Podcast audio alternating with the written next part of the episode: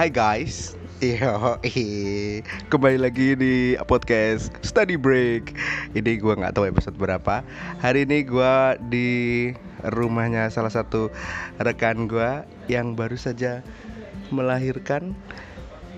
Dan podcast ini dibuat gara-gara gue penasaran tentang bagaimana budaya uh, suku Bali terkait dengan memiliki dan perawatan seorang bayi. maksud gue, ya maksud gue. Jadi judulnya adalah, ya begitu. Nggak, nggak. Mungkin gue akan bikin judul selama Bu Esa memperkenalkan diri dulu. Ini dia Bu Esa. Halo. Apa yang mau ditanya? Bukan ditanya kenalan dulu Bu. Oh kenalan, oke. Okay. Mm -hmm. uh, eh, saya rekan Krisna. Rekannya. Rekannya Krisna. Uh -uh. Namanya Bu Esa. Uh -uh. Terus apa lagi? Baru saja melahirkan Baru saja anak melahirkan kedua. anak kedua. Mm -hmm. Seorang putri lagi. Seorang putri lagi. Berapa hari yang lalu ini terjadi? Berapa hari yang lalu? Tanggal 15, pokoknya tanggal 15 September hmm. tanggal 15 September pagi itu melahirkan Oke, okay, sekarang gue baru dapat judulnya ya podcast ini adalah rempong-rempong budaya kebayi-bayian di mata adat Bali. Yo, Oke oke.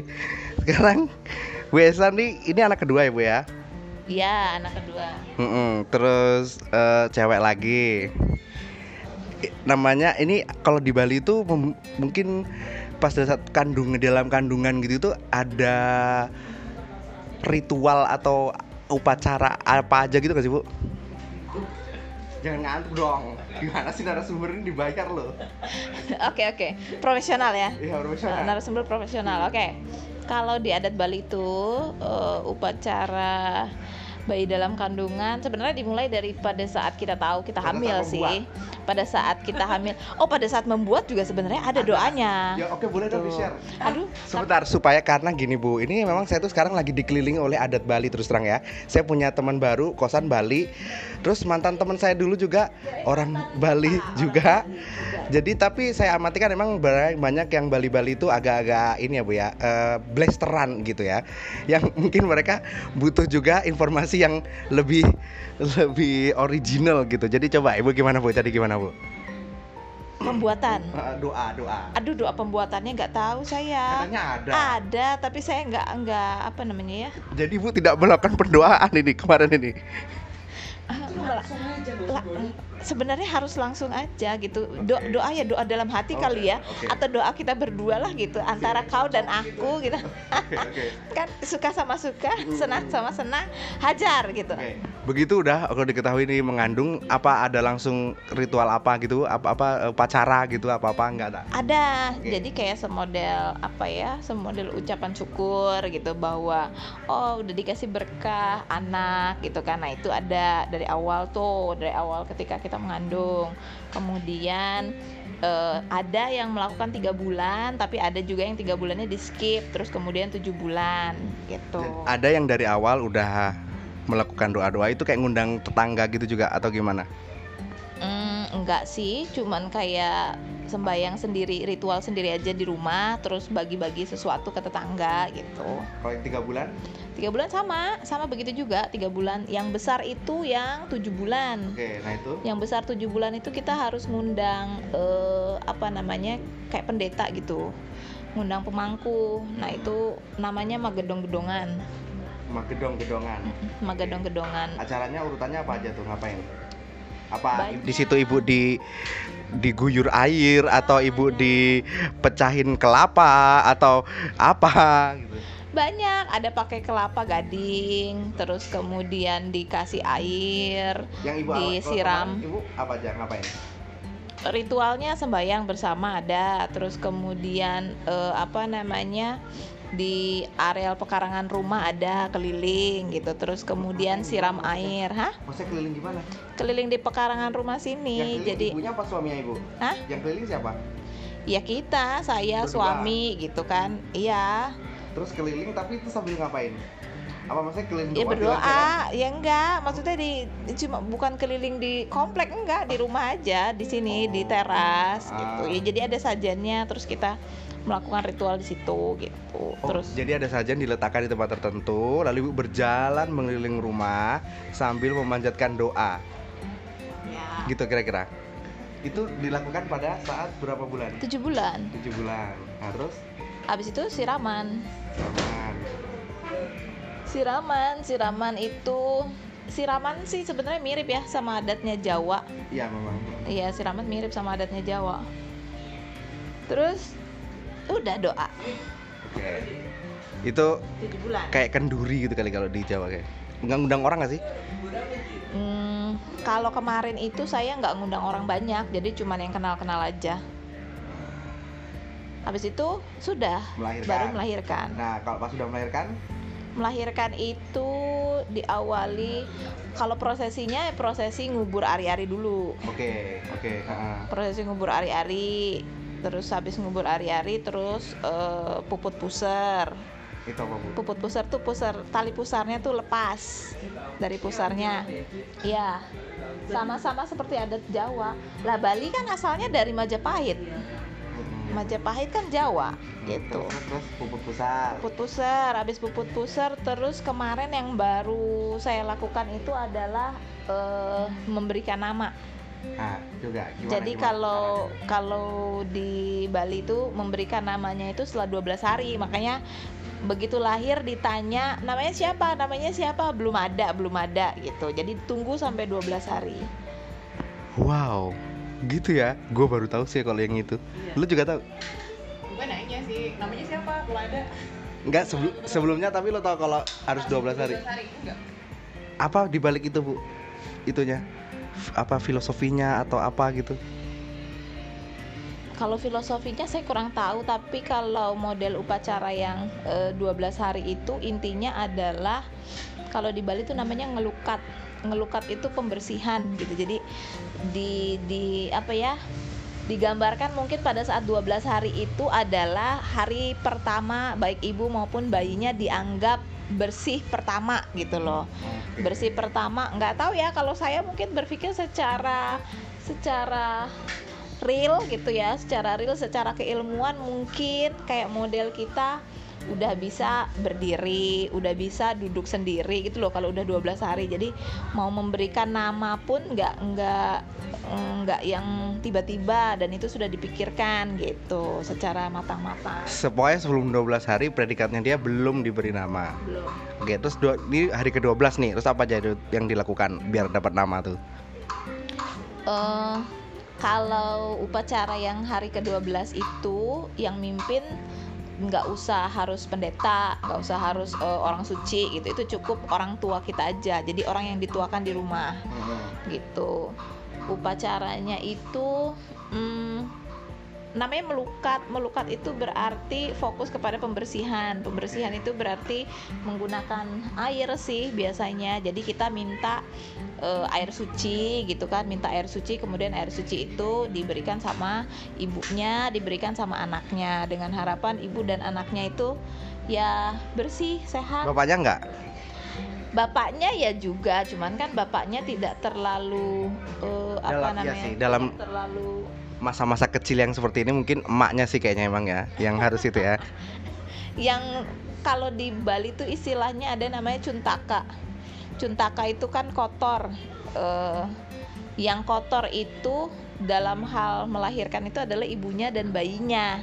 Jadi bukan bapaknya karena bapaknya kan tidak ya bapaknya kan tidak bapaknya hanya menyumbang Emang bapaknya nggak kotor-kotoran sama sekali emang ya. Dasar.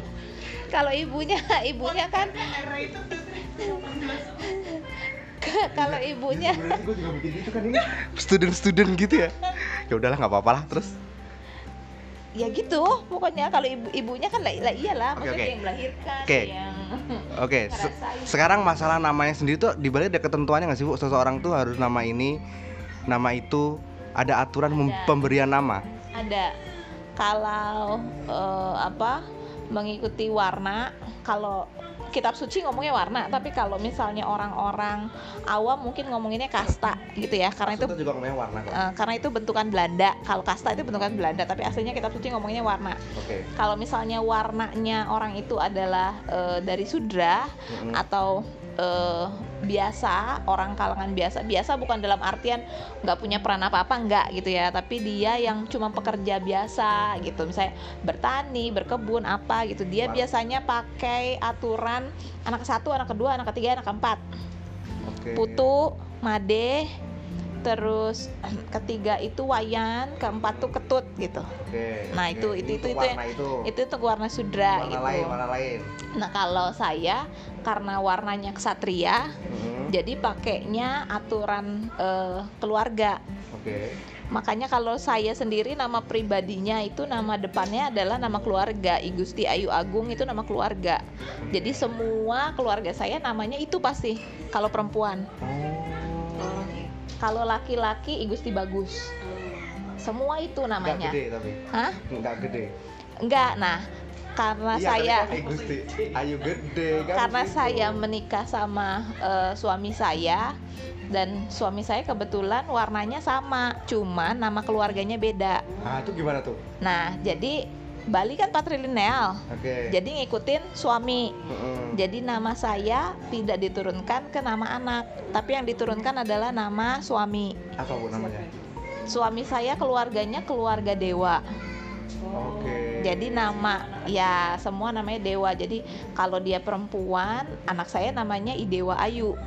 Itu marganya tuh, marganya. Jadi semua namanya Idewa Ayu. Berarti yang ini juga ini. Iya, yang nomor satu namanya Idewa Ayu, yang ini kedua juga namanya Idewa Ayu gitu. Oh, Kalau laki namanya Idewa Gede. Oke oke. Gitu kayak suami saya namanya Idewa Gede karena dia laki-laki kan. Gitu. Kalau Mm-mm. anak saya perempuan namanya Idewa Ayu. Jadi dua-dua ini namanya Idewa Ayu. Ber- Idewa Ayu baru nanti adalah namanya dia setelah Iya. itu. Kalau yang ini namanya siapa bu? Yang kedua ini? Yang ini kemarin eh, karena kakaknya ngotot minta dikasih nama adiknya Kartika, akhirnya PR lah ya buat kita setelah sekian rentetan daftar nama yang sudah kita susun gagal semua. Oh itu ada proses agak rempong di situ berarti. Ah, rempong dong. Oke, oke. Cari gitu kan padanan katanya apa yang bagus apa, ternyata gagal semua karena kakaknya dari malam sampai pagi ngotot. Pokoknya Kartika. Aku kakaknya aku yang harus kasih nama, adik aku namanya Kartika. Oke. Akhirnya saya dan suami saya sibuklah mencari padanan Kartika apa. Akhirnya di pagi hari ketemulah padanannya Kartika Devina. oh, itu artinya apa bu? Hmm, Kartika itu artinya kebahagiaan, Mm-mm. eh, apa ya, eh, kebaikan gitu-gitulah Kartika itu. Terus kalau Devina itu melambangkan seorang dewi atau seorang perempuan cantik gitu. Jadi Dewi kebaikan. Iya, Wow. seorang perempuan Yang atau di dewi. keluarga Idewa Ayu. Bener kan? Gede. Idewa gede Oh iya Idewa gede. Oke oke oke. gitu. Nama belakangnya baru nama saya dan suami. Panjang ya berarti ya bu ya? Panjang ya. Coba coba oke ucapkanlah nama panjang itu sekarang juga bu. Idewa Ayu Kartika Devina Esayatnya. Oh ya. Esayatnya. Esa nama saya. Kalau suami kan belakangnya nama Yatnya. Gitu. Kalau yang pertama namanya Idewa Ayu Prisa Devi Esayatnya.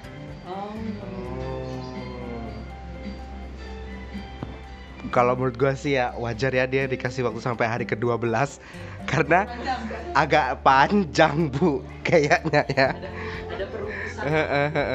Oke, abis dinamain terus?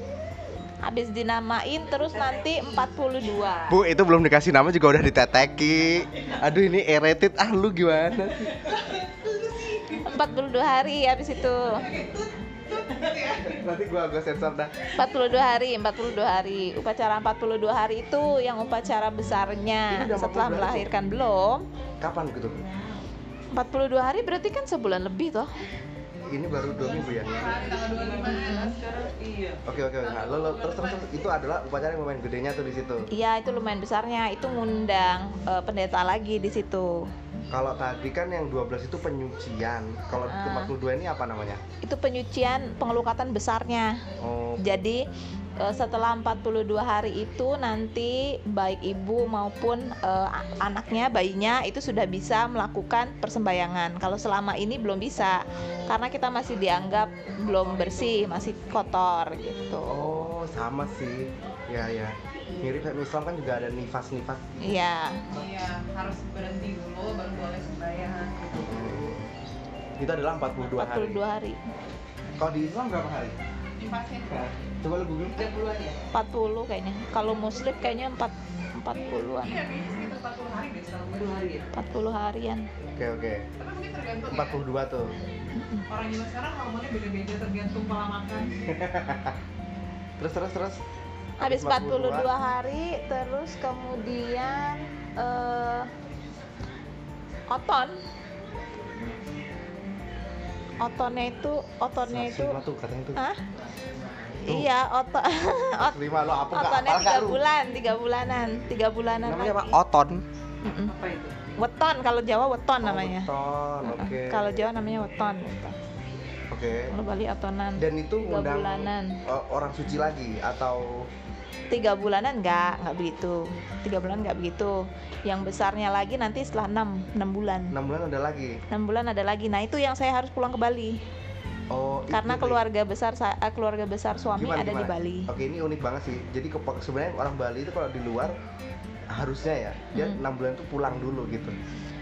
Enggak harus pulang sih. Kalau saya itu pulang ke Bali karena kebetulan keluarga suami itu di Bali, jadi tidak ada yang di sini.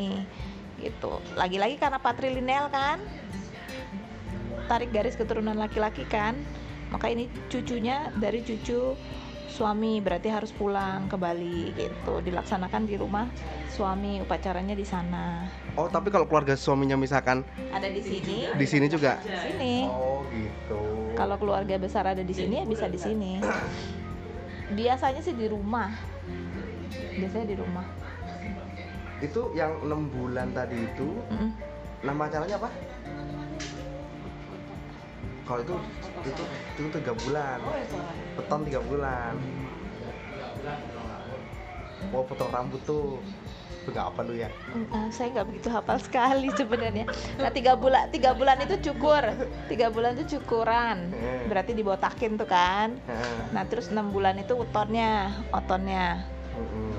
gitu. Tuh, enam bulan apa tuh? Iya oton sekalian turun tanah. Nah, turun tanah. Tradisi turun tanah tuh beda-beda. Kayak kemarin saya baru dengar nih sebelah rumah kan Sunda. Heeh. Jadi kalau di Sunda tuh katanya turun tanahnya itu sekalian akikah. Bu, turun tanah tuh apa sih? Turun tanah tuh artinya Anaknya bayi dilepasin di tanah. No, i- iya, bayi menginjakan tanah men- menginjakan kakinya di tanah pertama kali, diinjakan ke tanah kakinya. Oh. Itu turun tanah. Kalau udah kuat. Kalau masih begitu ya belum bisa. Tapi Sunda segini.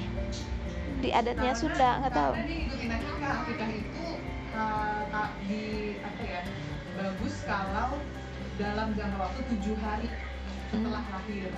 Kalau setelah tujuh hari itu dianggapnya sedekah atau apa ketutupan gue ya. karena dia kalau di Mekah kenapa bisa seperti ini gitu?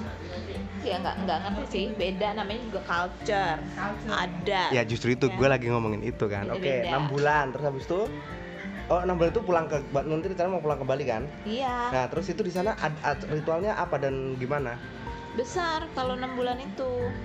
Kalau enam bulan itu kayak eh, apa namanya? Yang tadi upacara-upacara kita manggil orang suci gitu ya. Heeh. orang sucinya kalau model di muslim mungkin manggilnya ustadz gitu Iya, iya, iya. nah kalau enam bulan ini yang dipanggil kiai Oke. atasnya gitu Oh, oh gitu. Heeh. jadi Dan le- nggak bisa kalau Ustadz nggak bisa, nggak boleh. nggak biasanya itu yang dipanggil atasnya Itu namanya apa bu? Kalau di pedanda ped- kalau tadi kan mangku. mangku. Heeh, Mangku. Kalau ini pedanda. Kalau ini pedanda. Mangku itu sebenarnya gimana? Dia Kayak ustad. Oh. Mangku itu kayak ustad gitu. Ya, ya, ya. Dan ini pedanda. Pedanda. Jadi atasnya Dan itu acaranya tapi intern keluarga atau intern keluarga. dan di pura keluarga atau Iya, gimana? di pura keluarga. Di pura keluarga. Apakah habis itu dia ada nambah nama atau ada nambah gelar atau apa enggak habis itu?